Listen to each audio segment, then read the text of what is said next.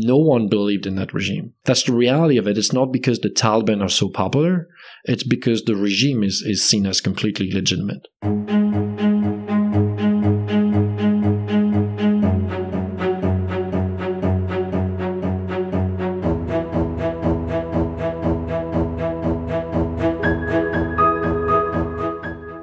Hi everyone, welcome to the SRV podcast. My name is Armen Hakhverdian. I'm a political scientist at the University of Amsterdam.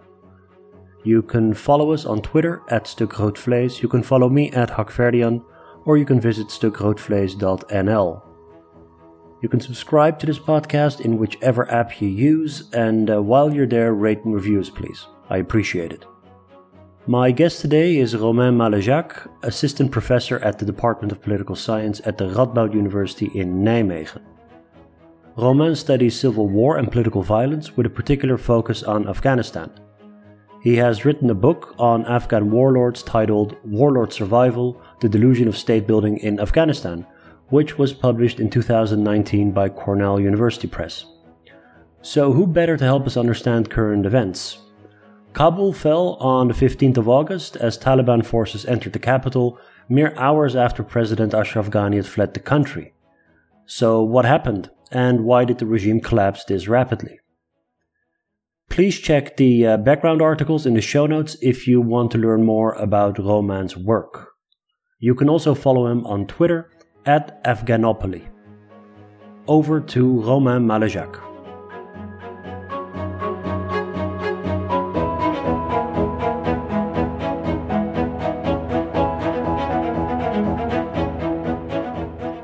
Okay, I'm joined by Romain Malejacq. Romain, welcome to the podcast. Thank you. Thank you for having me. Good to have you. You must be a busy man these days. Yes, there's a lot of uh, media requests and things of that nature because of well, what's happening in Afghanistan these days. Right. So, how did you come to study Afghanistan? Uh, well, it was out of interest actually for the topic of warlordism. Um, when I was a student, I spent a year in South Africa, um, a bachelor student, and I um, I started being interested in conflict, uh, mostly conflict in Africa. And then I studied later on during my masters. I um, I studied Liberia, Sierra Leone, Cote d'Ivoire. Got very interested in um, in the theories on warlords uh, interested in in these particular characters. Um, and then when I started my my PhD, I um, I actually wanted to do something on warlords and the international relations of of warlords, and it was supposed to be on well cases from all over Africa. And then eventually, I was selected to be part of a research team going on a very different project on liberal peace in Afghanistan in 2007, I think. Um, and Afghanistan became one of my cases and eventually just became the one case uh, because I thought Afghanistan was so fascinating. I realized how little I knew about Afghanistan.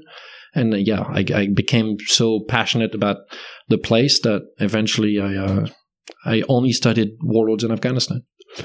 And you're, um, you're, you're, you're a scholar of uh, civil wars or of civil conflict, or how would you how would you designate yourself? And then warlords in Afghanistan is is one particular maybe corner of that particular subfield. Uh, yeah, correct. So yeah, scholar of civil war, political violence, political order. Um, so non-state armed actors and, and conflict dynamics. So warlords is really the, the, the main thing. Well, the, that's how I entered the field, I'd say.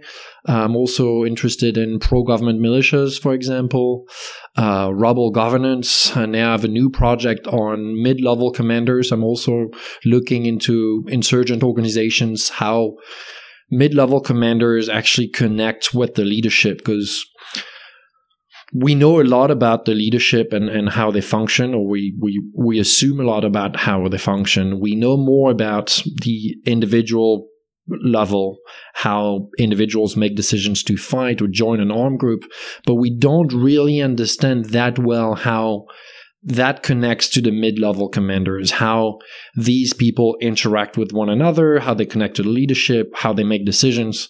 So that's the that's essentially where i'm going with my research. And you've written a book specifically about warlords. It's titled Warlord Survival, and the subtitle is The Delusion of State Building in Afghanistan, which is quite a powerful subtitle, especially in the light of what's happened there Um, I wanted to start with current events and then maybe then move towards the more sort of academic and theoretical. Were you surprised by the events that unfolded over the past weeks? I It's been a few weeks now since Kabul fell, but but let's say the past months, the the speed with which the Taliban was able to yeah, I conquer the country. I was just, I was going to say that I was not surprised, and I don't think anyone was really surprised by the fact that the Taliban eventually took power. Especially, we can get back to this, but essentially, since um, the agreements of February 2020 in Doha, it, it didn't come as a surprise. The speed, indeed, was surprising, and and most people, myself included, were actually surprised that the the government, the army, well, the regime really just collapsed like that. So that was that was very surprising how quickly they managed to get control over the big cities. Um, a lot of us believed that the army was going to have the ability to defend at least the five main cities in Afghanistan. The countryside. It's it's relatively easy to get control of for the Taliban because there's very little state presence in, in the countryside. So it's, that wasn't very surprising. I mean, that's how it was very presented in the news, but that wasn't particularly surprising. Even the the uh, district capitals wasn't very surprising because those district capitals they're they're small villages. So if you if you send a bunch of Taliban, like ten Taliban or, or a couple of dozens, um, it's it's very easy to control. But we assumed um, that the, that the military, the special forces in particular, was going to be able to to resist the Taliban for a number of weeks, months, and, and potentially reach a stalemate and then push the Taliban to the negotiating table. Well, that's, And that didn't happen. that didn't happen. So I'm sure you uh, you saw Biden's address to the country. Um, he seemed to really pick the uh, the regime and the armed forces and the military as the scapegoat. He blamed them for not stepping up. Basically, I mean, he didn't go so far as to call them cowards, but it was really quite explicit. I felt, at least coming from an American president, that they didn't put up a fight. Although, in Biden's own words. Um, the Americans had provided them with state of the art weaponry, etc. What what what did you make of that particular?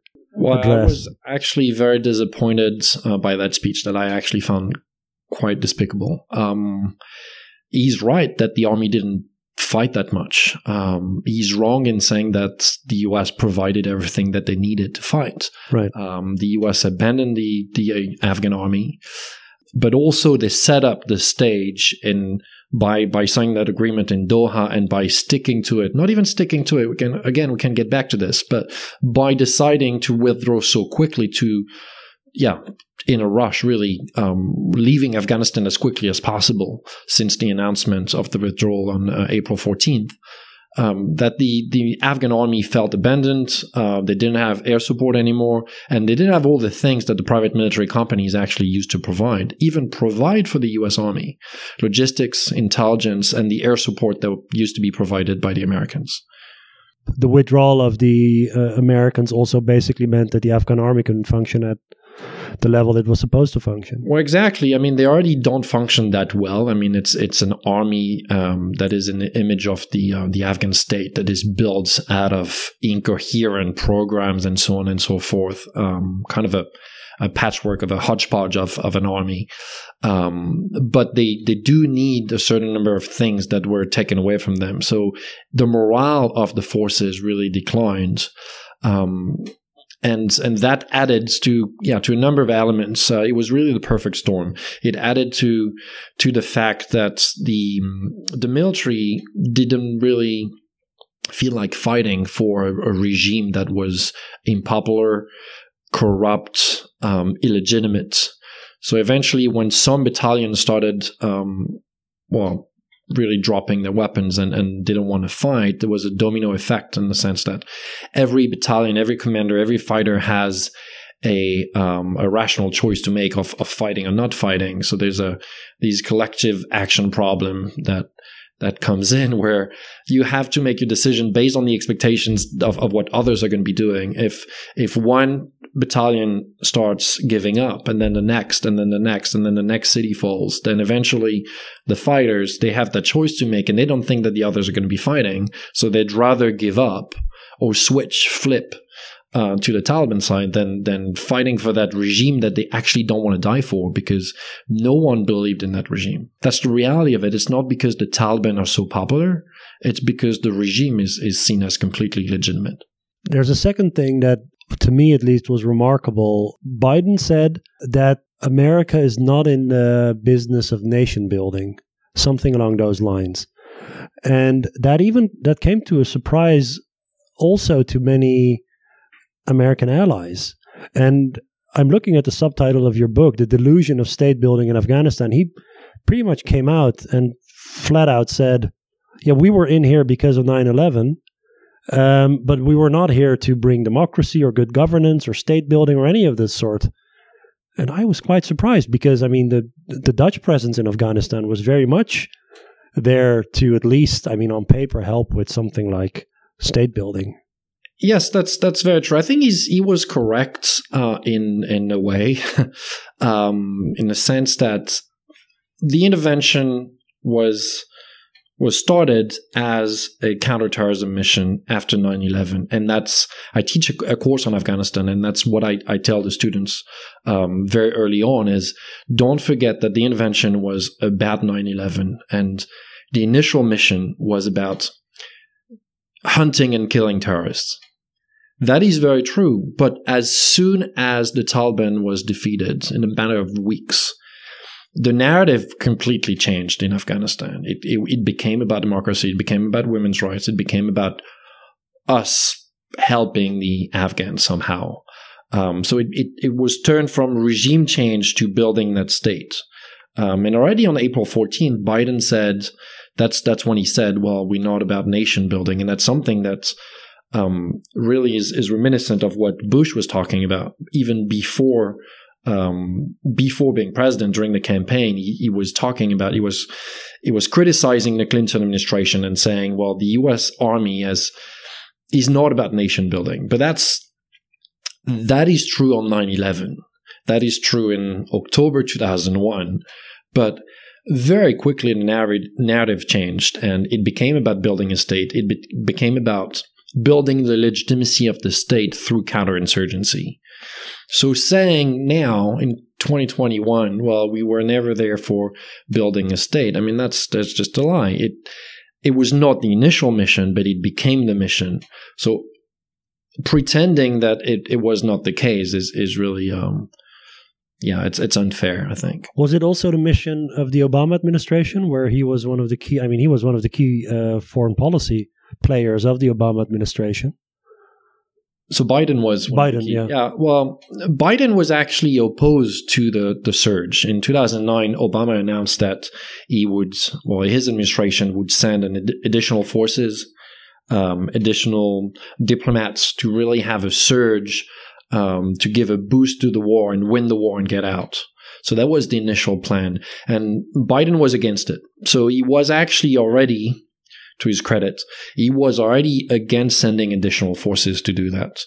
Um, but it was, yeah, it was part of the plan of the Obama administration. During the Obama administration, it actually switched. That's when the switch was made of of switching from um, back to counterterrorism. That's that's when there was all these drone attacks. I mean, um, the Obama administration used more drones than any other administration. Um, and that's yeah that's when the switch was eventually um, eventually happens towards negotiating with the Taliban and, and, getting out of Afghanistan to really focus on counterterrorism. So if we um, maybe switch gears to uh, Afghanistan itself, the country. So if you're a political scientist or an international relations scholar studying Afghanistan, like where do you begin like i mean what what sort of outcomes are you interested in and what sort of theories are there to try and explain what happens? I mean eventually i also want to talk about what role warlords play of course but sort of big picture. I think for a while the um the way to approach afghanistan was through that state building paradigm right? Because um while the Americans or NATO was was in Afghanistan, it looked like a it kind of looked like a post conflict situation, even though it, it never was, or only very very briefly after 2001, up to maybe 2004. Um, so there was there, what's a big way of looking at it was through state building. So it became about building these institutions. Um, liberal peace was a big thing, like to criticize the project that was being implemented in Afghanistan. Can, can you explain what, what the state building paradigm is? Well, there's many different ways of looking at state building, but the idea of of um, well, it was yeah more of a project, and then then there's a whole literature on it of of how to build a state, how to create because the idea was to create states, and that was part of what was the the Bush administration plan is, or maybe um, yeah, part of the Bush administration idea, Bush administration's idea was to to see that um, we needed states to provide order so the idea is to really and, and for counterterrorism. Otherwise, you know, it's a hotbed for terrorism. That's why we need order uh, and states in international relations. Uh, and the realist paradigm is is the only provider of order essentially. So there's a lot of literature that looks at how the state building project is implemented, how um, how are we building institutions? Are institutions uh, legitimate, or are we talking about modernization in Afghanistan? Um, looking at the type of regime that is being built, is it too centralized? And my answer would be yes, it's too centralized. But um, yeah, how to build democracy? Should we build democracy? All these type of questions, um, and and I think that was that was the main way of looking at Afghanistan. Then there's other people. So do you mean as especially it's like basic institutions of the state, like uh, I don't know, the armed forces or the police? Yeah, that well, that's how it was done. Services. Yeah, that's how it was done more than than how it maybe how it is being tackled in in the uh, in the literature. In the literature, there's there's criticism and, and people who say, well, you know, we're building institutions, we're building facade of of states, but is it really a state that we're building? Are we is that state legitimate? Should we be uh, looking more at social relations between individuals, how they connect to the state, rather than than um, than ticking numbers and ticking institutions? Like, okay, we have these mechanisms in place, we have these institutions in, in place. So that's that's essentially the, the gap we have between the the well between academia and and the policy world. Um, in academia, we keep criticizing the way policy does things, right? But um, but that's although part of the policy is also based on some very influential academic yeah, ideas, right? Part of it, and that's that's well, essentially how it evolved from the 1990s. This that idea. Well, first of all, there was less. We academia and, and policy was asking for less states at the end of the 80s, 90s, and then it becomes about failed states, and failed states are the cause of terrorism and instability and and people realize well maybe less state is not always the answer we have to build states and then there's whole there's this project in in in afghanistan in iraq which is about regime change and building state. Well that evolves into building states. And then we realize that we're not really good at building states or the the international community actually doesn't know how to build states. It doesn't really work. Fighting wars and building states doesn't go hand in, hand to hand right?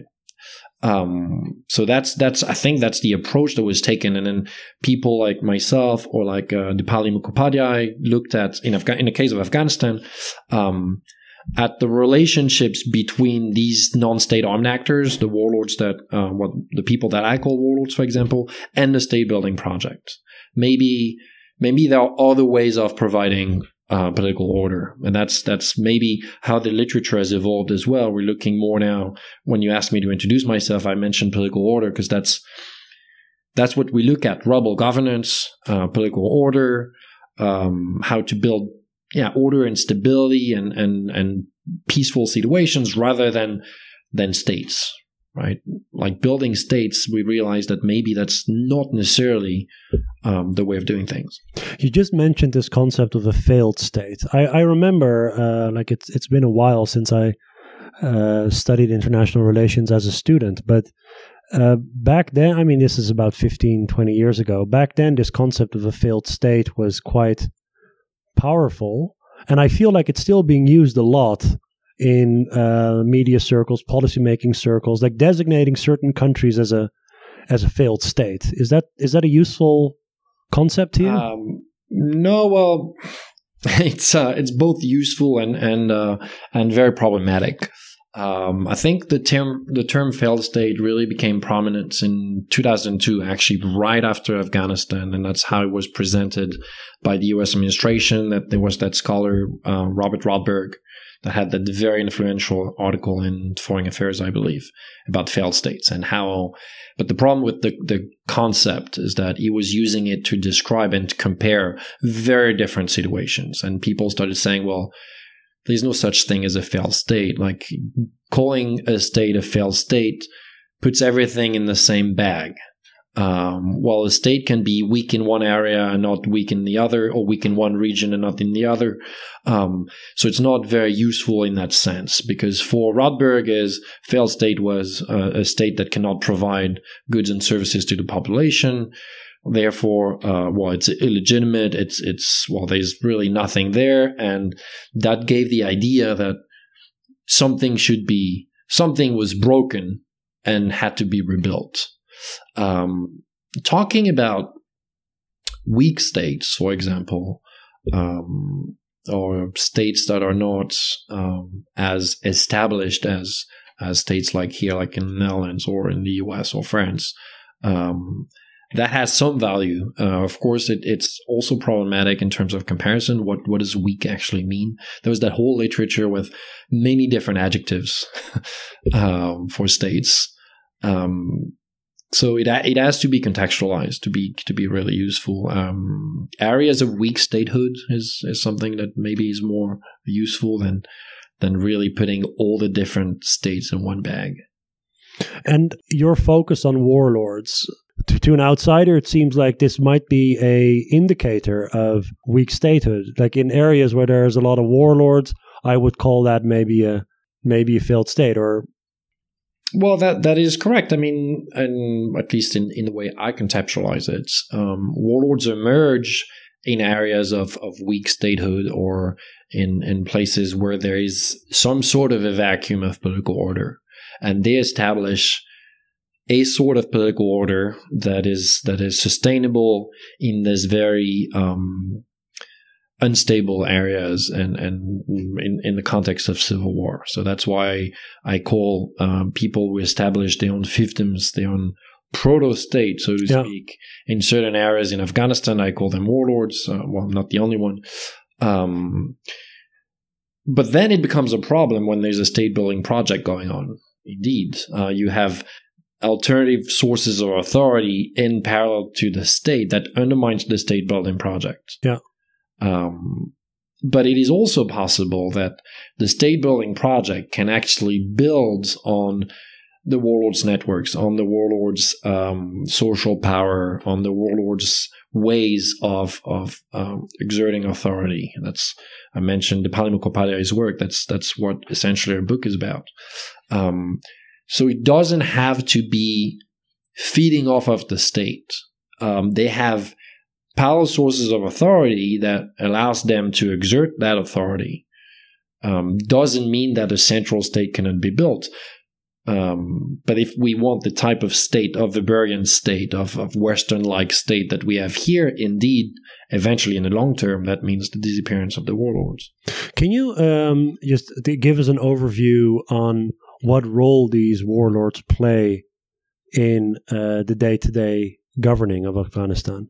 So, for instance, they're called warlords. So, do they only exist in a war context, or?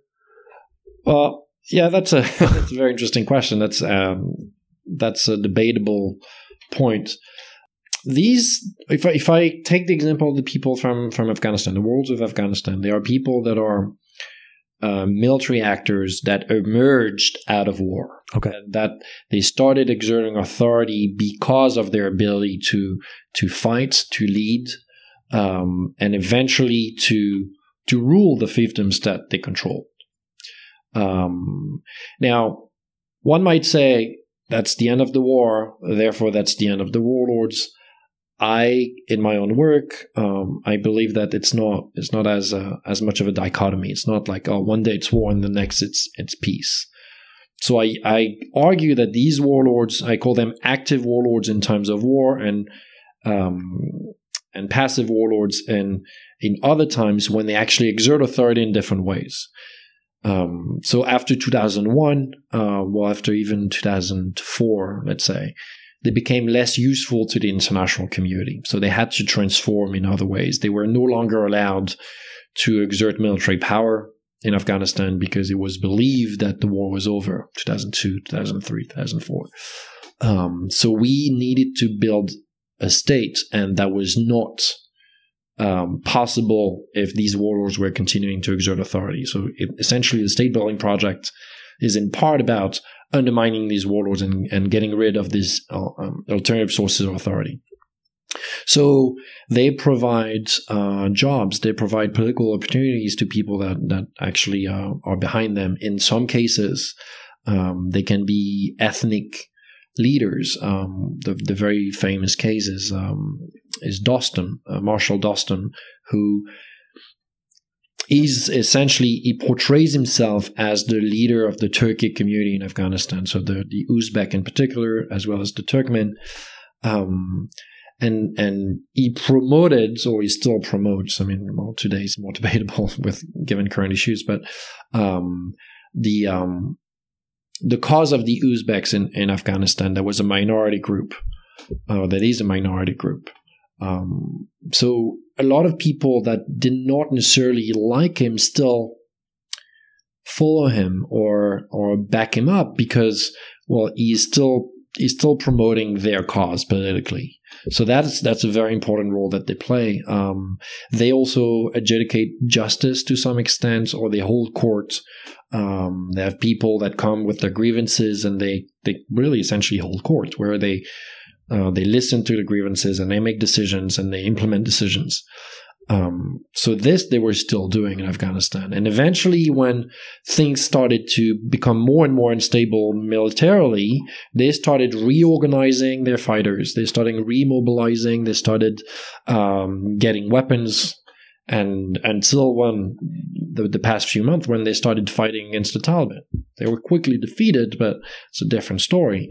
Um, but as as soon as the international environment was a little more permissive they started rearming militarily. So that's why I'm arguing that they they shapeshift, but eventually they still has they have the ability to become active again. They they if if they have the opportunity, they will become so-called active warlords where they exert all sources of of authority over their own territory.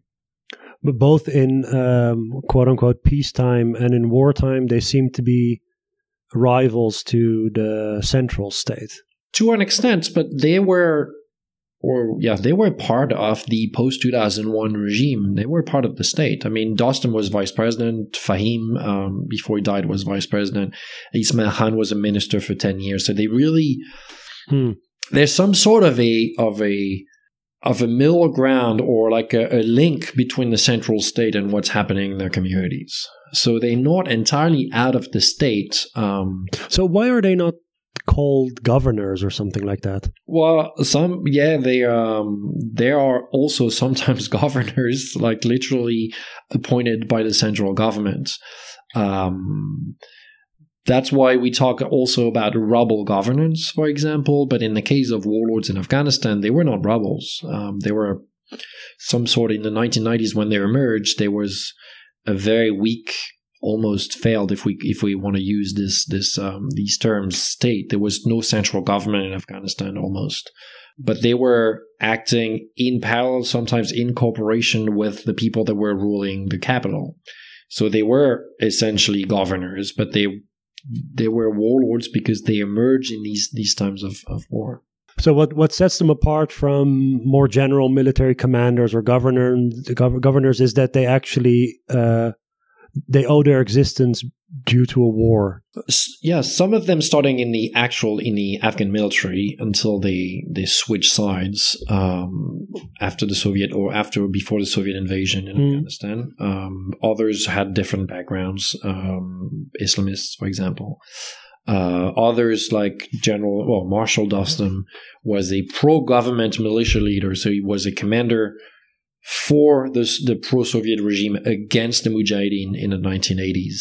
And eventually, what I think what sets them apart is the environment in which they, they operate. So maybe instead of talking about warlords, we should talk about warlord politics because they there are in that's in these environments when there is actually no strong central state or even really a shell of a state like 1990s Afghanistan that they they emerge and they really become people that govern the areas, um, which is different from um, from rebels who provide governance, for example. That's why it's it's well in in the literature when we talk about governance by armed groups, we usually talk about rebel governance, but in, in reality, it could also be these people, these warlords that were not rebels per se, or they could be um, militia leaders that were not that are also not rebels, but also provide some sort of order, local order at the local level.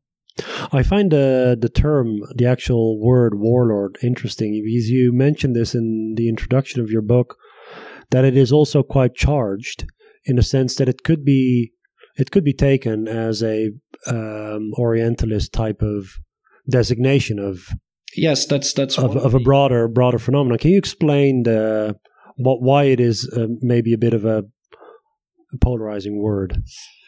Uh, yeah, it's actually a, a word that's taken um, it's taken well from the the first studies really on the warlords are from the the people studying uh, China in the 1920s. Um, and then it, it has become a word that is was used in Africa um, to talk about these people. Um, and then in the case of Afghanistan, well, I've heard different things. People say it only came after 2001. Others say it came a little before. Um, and and in in Dari, also the, the the Afghan Persian, it's it's a literal translation of warlord, and it's even more pejorative uh, than it is in English. So that's that's part of a problem when using it. Um, actually in my in my PhD dissertation, which later on gave um, led to the book, I I don't use the term. So I went back and forth on this. Um, what was the struggle about? The, the, struggle is, is because it's it's seen pejor- pejoratively, pejoratively, sorry, um, by people there. Like so, in Dari, it's even more pejorative, um, and people say, "Well, you shouldn't be calling them warlords because for some people they they're war heroes," uh, which is true. And then I talk to well some people that I know. For example, I I call uh, Ahmad Shah Massoud the warlord because he fits my this my concept.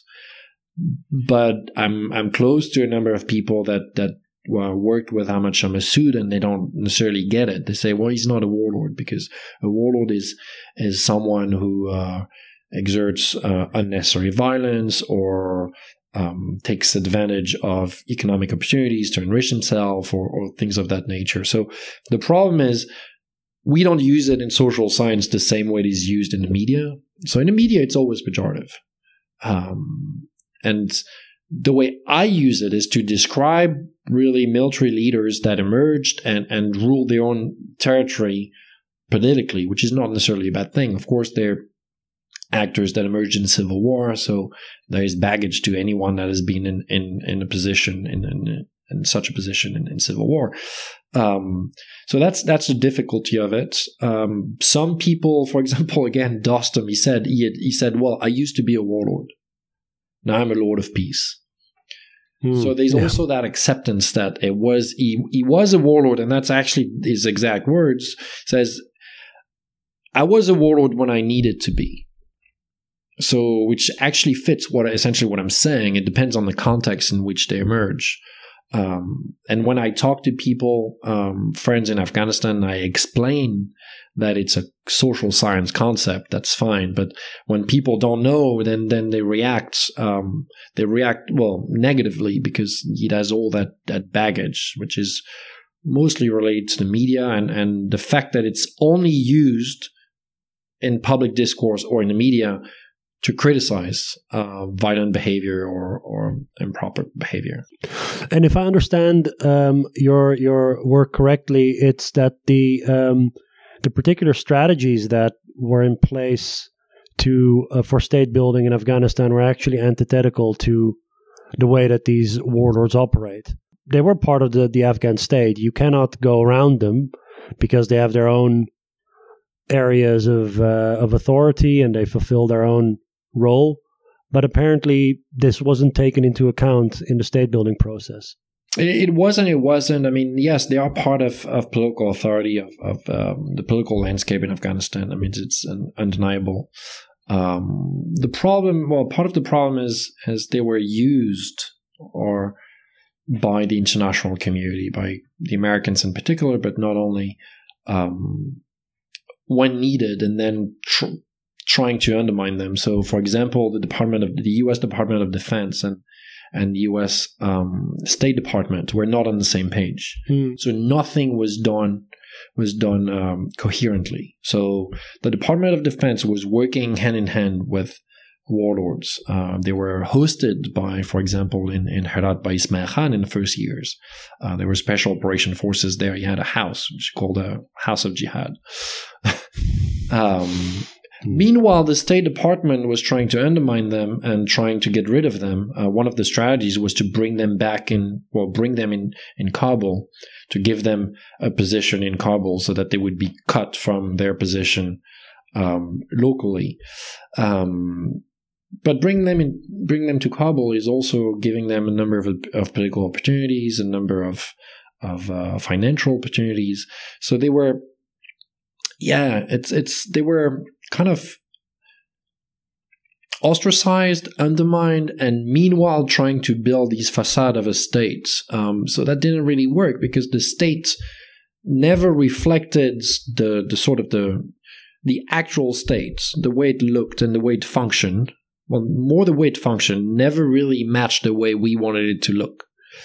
Um, and that became a problem. More recently, for example, if we look if we look at recent events, um, Ashraf Ghani has been trying to undermine. So the former president of Afghanistan yeah. has been trying to undermine these people. Marshal Dostum, who used to be his vice president for his second mandate, uh, he dropped him. He dropped him. Uh, Ustad Atta, Mohammed Atta, who was the governor of um, of Balkh uh, in the north, um, so or um, in Mazar Sharif for 14 or 15 years, he dropped them. Like he, he appointed someone else uh, because he had this this patronage politics where he was trying to favor his own networks and as well as trying to undermine the warlords because he wanted to build a state. And he, he actually wrote a book about building states. Um, didn't age very well. Um, but when Mazar Sharif was about to fall into the hands of the Taliban, he actually organized a meeting with Dostum and and Atta and Muhakkik and, and others uh, to see how they could devise a strategy to actually be able to to hold the city. So there's that acknowledgement by bringing someone like Dostum as vice president that they are needed, they have political authority, and at the same time trying to undermine them. And yeah. that that didn't work. It seems like these warlords are actually quite um, savvy, as in navigating all these various contexts. No, I mean some of them have been in power for decades and decades, and they seem to be able to adapt to the Taliban, then adapt to the the post Taliban period, and now again like they they seem the ones they seem to be the stable elements, and then all the others around them are are changing. Yeah, how are they doing that? Essentially, what I what I argue, uh, we'll see if that that is that remains true after uh, well after twenty twenty one. But um, yeah, well, they're the ones who are playing the rest, whereas it seems like those in power believe that they can play the warlords. It's my my sort of nice way paraphrasing of phrasing your... it. Yeah. Um, what I argue in the book is that they they managed to remain indispensable to all kind of political actors. So locally to their people by providing a number of services and goods and, and things of that nature um, to the state. Because, for example, I mentioned the example of of Ashraf Ghani um, he couldn't be elected, or he thought it was necessary for him to bring Dostum back into uh, into the picture to be elected because Dostum could provide a number of things, votes in particular, but also um, some military skills and and that um, his charisma and, and, his ability to have influence in the north, for example, um, to the international community. These warlords also play the international community. Ismail, the, I took the example of Ismail Khan earlier. Um, in 2000, well, after 2001, 2000, between 2002 and 2004, he was playing um, both the Americans and the Iranians because, you know, he was the axis of evil, the time of the axis of evil speech in 2002, uh, the State of the Union address. Um, it was um, it was the time when there was that that well it still exists, but really it was the, the peak of that um, rivalry between the U.S. and, and Iran. So he was getting uh, serve well he was getting um, supplies from Iran as well as from the Americans at the same time. So they they able to talk to all these different actors and and use the gaps of knowledge that they have but others don't. Um, and be the link between the local act, the, the local level and the media, well, the, the state level and the international level. So they get supported because they have influence on the local level, but they also get support locally because they have access to the state, because they have access to the international level.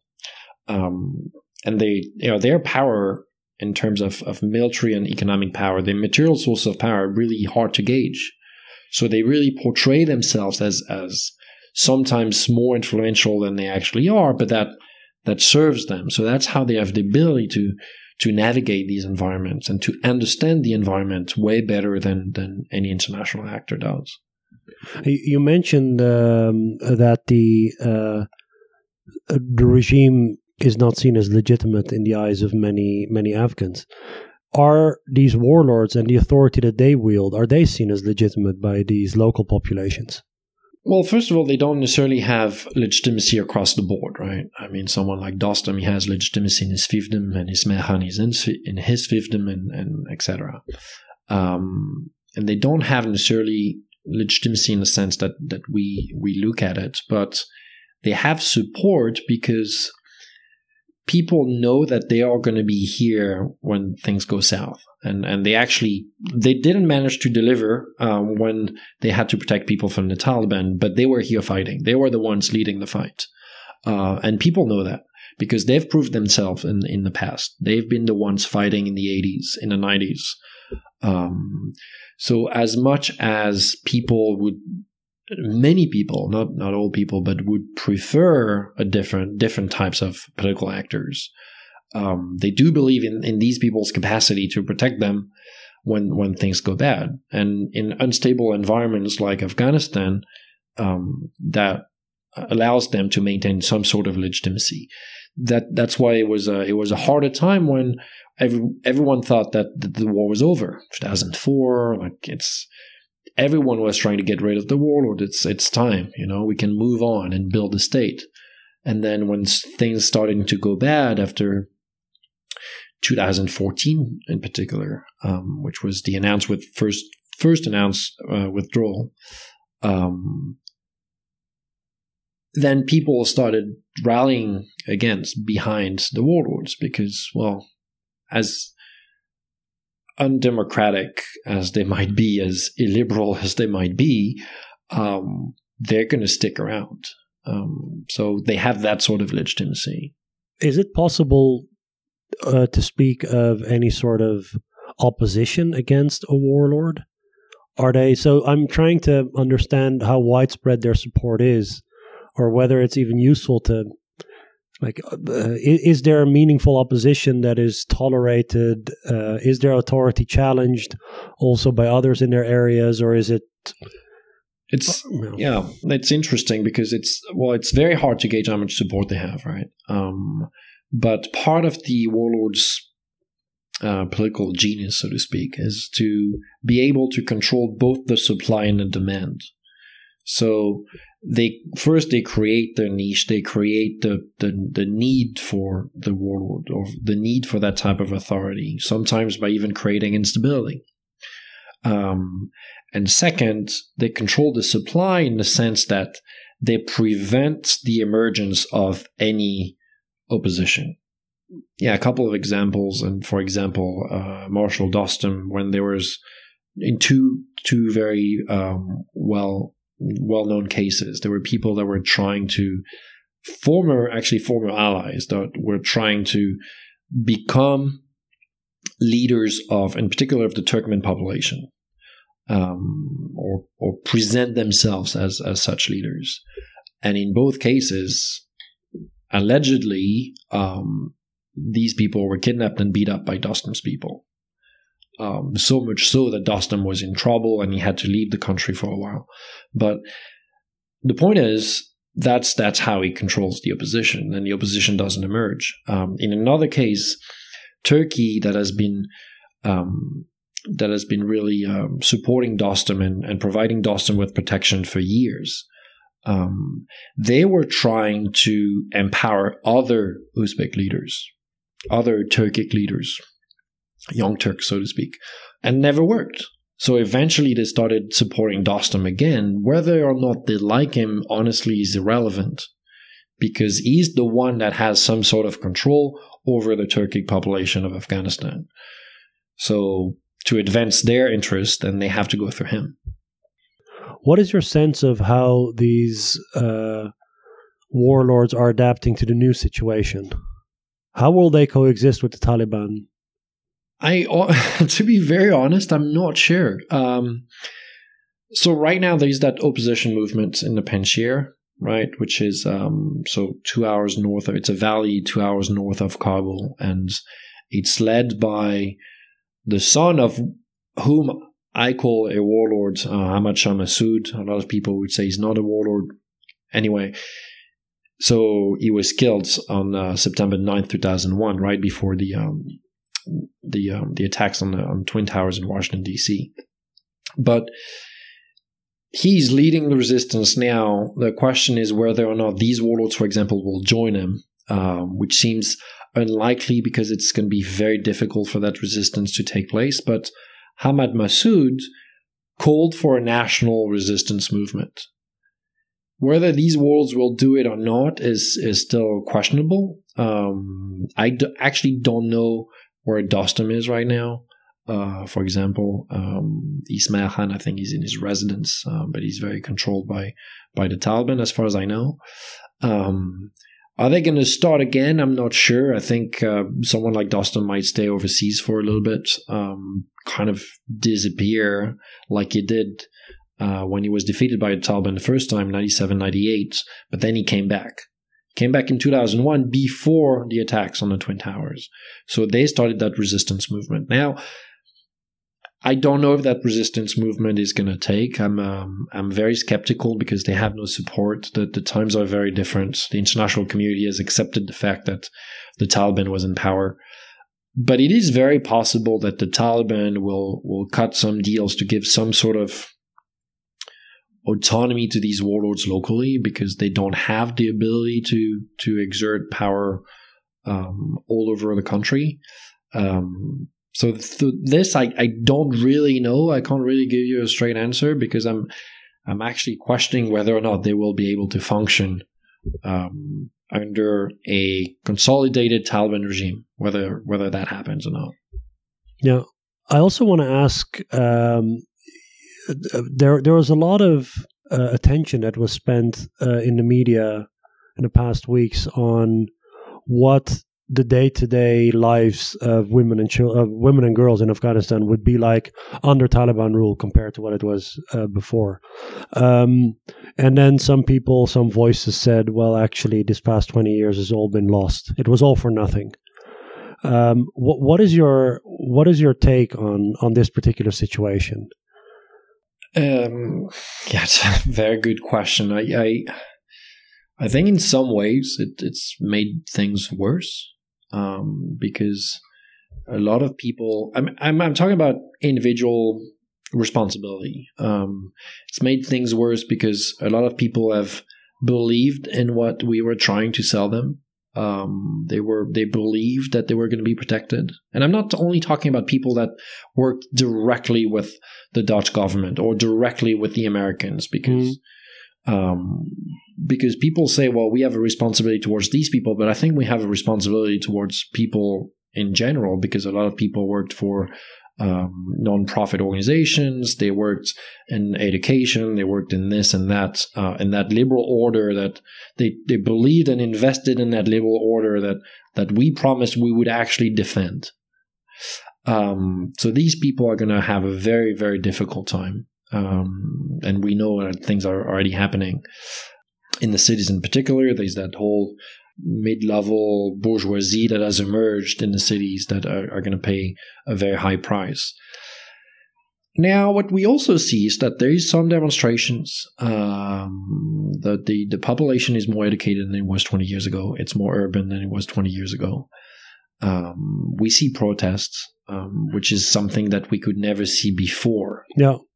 Um, so it is possible, and and hopefully it's not just wishful thinking that that the Taliban, if the international community exerts enough pressure, will have to exert some sort of restraint. Um, if they respond to both international pressure and, and, and local pressure from the population, uh, that they will not be able to rule in fear, or at least not as much as they used to.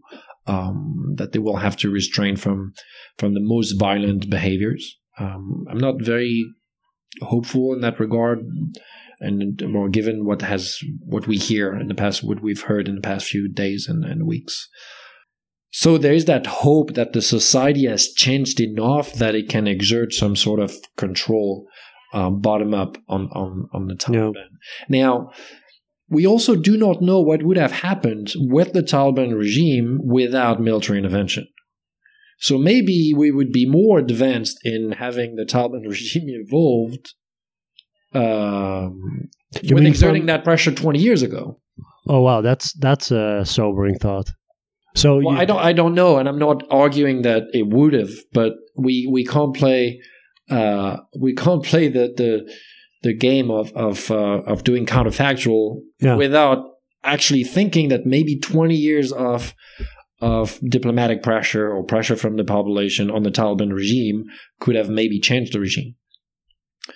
Um, so, in a parallel world where there was no intervention after 9 11, maybe you would have ended up with the same situation as you have now, but without all of the different the. or worse the, or better. I, I don't know. But what I'm saying is that we can't just say, well, it was it's better because now people are more educated or they're more urban. Um, okay, but now we also have a way stronger Taliban than we had 20 years ago. We have a Taliban uh, organization that is um, better organized, that are um, better diplomatically, better politically. Uh, that's yeah, that maybe they would have to well, they would have had to deal with also the political pressure. I, I, I think saying that, oh yeah, the, the Afghan population is more educated now than, than, they were 20 years ago. Uh, they're more, um, they're more urban, they're more westernized, they're more liberal. It's, it's kind of a way of a, I don't know, it's, a, it's like a, a pat on the shoulder type of thing where we want to feel better about, about the situation in which we leave Afghanistan and, and the Afghans. Um, I have to give the Afghan population more credit than that. Uh, maybe that pressure could have also come from the from the population. Um, I don't know. I feel kind of uh, uncomfortable about that idea that uh, we've we've changed the population for the better, and and now they can deal with with what they have to face. Um, that's essentially what Biden said about the the Afghan military, and well, we know how it ended. So. So what uh, what what lies uh, ahead for you in terms of doing research? I mean, you were granted a, a Vidi uh, to to study um, the, all of this uh, even further with a with a team of people. Well, what's what's on your agenda? I, I'll be very honest right now. Like the question that I've been asking myself is not about my research in Afghanistan. Um, I I mean, anyone that works on Afghanistan, I've been working on Afghanistan, has, has been um, has been really shaken by yeah. what's happening. Uh, we know people that have died. We all know people that have died. We all know people that are in very terrible situations that ask us for help. Um, I personally have been feeling very helpless and powerless in that regard, especially before people could be evacuated. Um, so yeah, there'll be there'll be a, a future version of myself that will be doing the project. Maybe not exactly the project that I had in mind. Maybe it, yeah, it will have to be tweaked, but that's that's something that we'll have to think about in the, in the future weeks and months. Um, in the short term, I was not in, in no place of of doing that. Now about going to Afghanistan and doing research, I think there are I I want to go to Afghanistan and, and see what's happening and, and all of that. that maybe as scholars, we have a responsibility to also not give up on Afghanistan. But I don't want to go to Afghanistan without a plan in mind just to see the new regime. Like that type of warriorism uh, makes me kind of uncomfortable. Um, I also wonder what it is I'm going to be able to do without putting people in danger. So talking, I'm, I'm thinking maybe there's work to be done talking to Taliban commanders um, and trying to understand the movement better and and things of that nature. But then then everything has to be extremely careful. We have a responsibility to be extremely careful because I don't want to put people that I talk to um, in danger. I don't no. want to put fixers or interpreters or friends in in in difficult position and we're talking about life and death so before I actually go, I, I, have to consider a lot of a lot of things, ethical questions um, that uh, yeah that for now prevents me from actually going. Um, yeah, because but I'm not, um, and that's a question that that a lot of people ask. Um, a lot of people that you know don't know the situation that well. I'm not worried about my own safety in Afghanistan because right. I I think the situation is terrible for the Afghans, and but in terms of foreigners, I don't see the Taliban. If anything, I think it's safer for people like me than it was before, because we no longer a target of the Taliban. There are other issues to consider, but the Taliban they they they will most likely not put foreigners in, in, in these positions anymore. And is it imperative for your uh, research that you actually do the field work, that you spend time there talking to people? Is it not possible to study just from a distance? It's very difficult to do the, the, the kind of work I do without, um, yeah, without going and talking to people. It's very fieldwork intensive. It's, um, you know, building relationships and networks. Uh, a decade of 15 years of of doing that. Um, so it's it's very difficult to study, let's say, let's say the, the Taliban and the commanders and, and their links with the organization without without actually talking to people. Um, we know so little, for example, about the Taliban. I mean, there's there's very good work about the Taliban. Um, Antonio Giustozzi, Ashley Jackson, who works on on their governance, for example. Um, but there's so much we don't know. I mean, hmm. this group, uh, the leader of this group was dead for two years before anyone in the West knowing about it. So you can imagine how yeah. we know about how they function. Thank you so much for your time. Thank you very much. I, I really enjoyed the talk. I'm uh, going to link to uh, to some of the pieces we've been talking about, so that uh, our listeners can uh, can read them in their in their own time. Um, thank you for listening, and uh, I'll see you next time.